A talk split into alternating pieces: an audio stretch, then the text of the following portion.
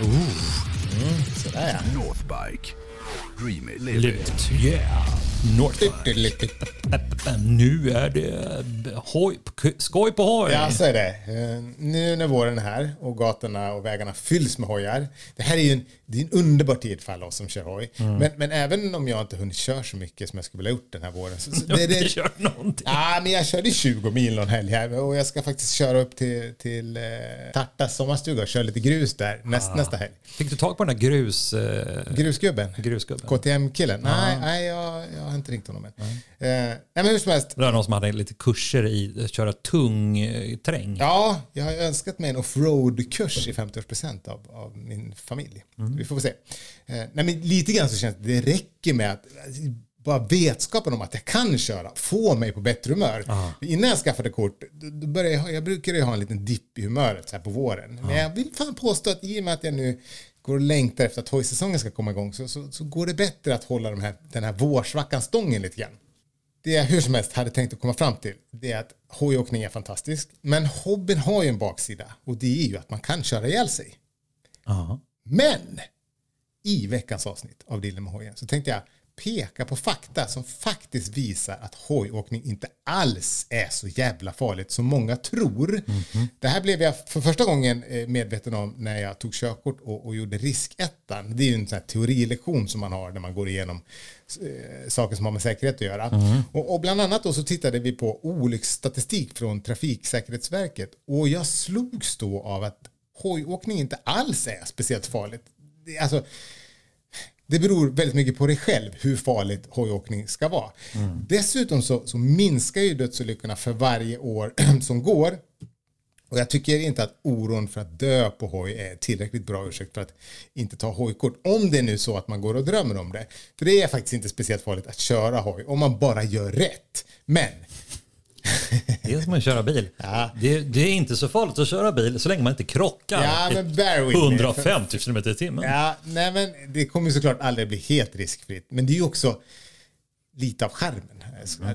Men, men tillräckligt säkert för att man ändå ska, ska våga ta sig an det här, tycker jag. För när man tittar på statistiken och plockar bort alla som kör för fort och alla de som, som kör utan rätt skyddsutrustning och alla de som liksom hällt i sig alkohol eller sopat i sig droger när de kör hoj, då minskar olycksrisken dramatiskt.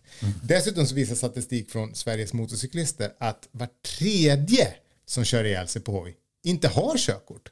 Oj. Alltså en tredjedel. Det är ganska mycket. Det är väldigt, väldigt mycket. Om du skulle gissa hur många som kör ihjäl sig på hoj varje år, hur många tror du att det är? Då? 578 stycken. Nej, tror du, tror du det verkligen? Nej, Jag vet inte. Ja, men du säger det. Ja, det är ett ungefär mellan 30 och 50 personer som dör varje år. Aha. Eh, Och förra året tror jag dog 25 pers. Och om du då räknar bort en tredjedel av dem, eftersom det ju inte är motorcyklister i och med att de inte har kort, då blir det ungefär 17 personer kvar. Och med tanken på att det finns över en halv miljon motorcyklister i Sverige så är ju 17 personer, det är ju ändå ganska lite. Det är ungefär lika många som blir attackerade av sina egna lokatter i bilen. Ja, ungefär. Sen ska man ju också komma ihåg att sporthojarna står ju för en betydande del av alla de här olyckorna. Så om man inte har tänkt att köpa den typen av hoj, då kan man räkna bort ytterligare 30% av alla olyckor.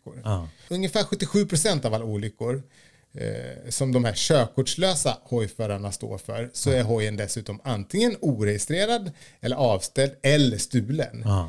En fjärdedel av de här idioterna hade dessutom inte hjälm. Och sist men inte minst, tre fjärdedelar av de som saknade körkort var dessutom berusade eller påverkade av droger. Eh, eh, Droger? Droger. Droger. eh, droger. Så, så det här... Ord, or, ormeri. Ja. så Det det, är, det är helt sjukt. ja, men det här är ju en grupp människor, det är, en- det är en väldigt stor grupp som står för, för den här, de hamnar ju i dödsstatistiken, eh, men de har ju ganska lite gemensamt med vanliga hojåkare, men de räknas ju ändå med i statistiken. Nej, men vanliga motorcyklister är faktiskt en trafikgrupp också som har den största minskningen av antalet döda i trafiken, eh, samtidigt som antalet motorcyklar i trafik är fler än någonsin. Så om man bara håller en, var det en ljudeffekt?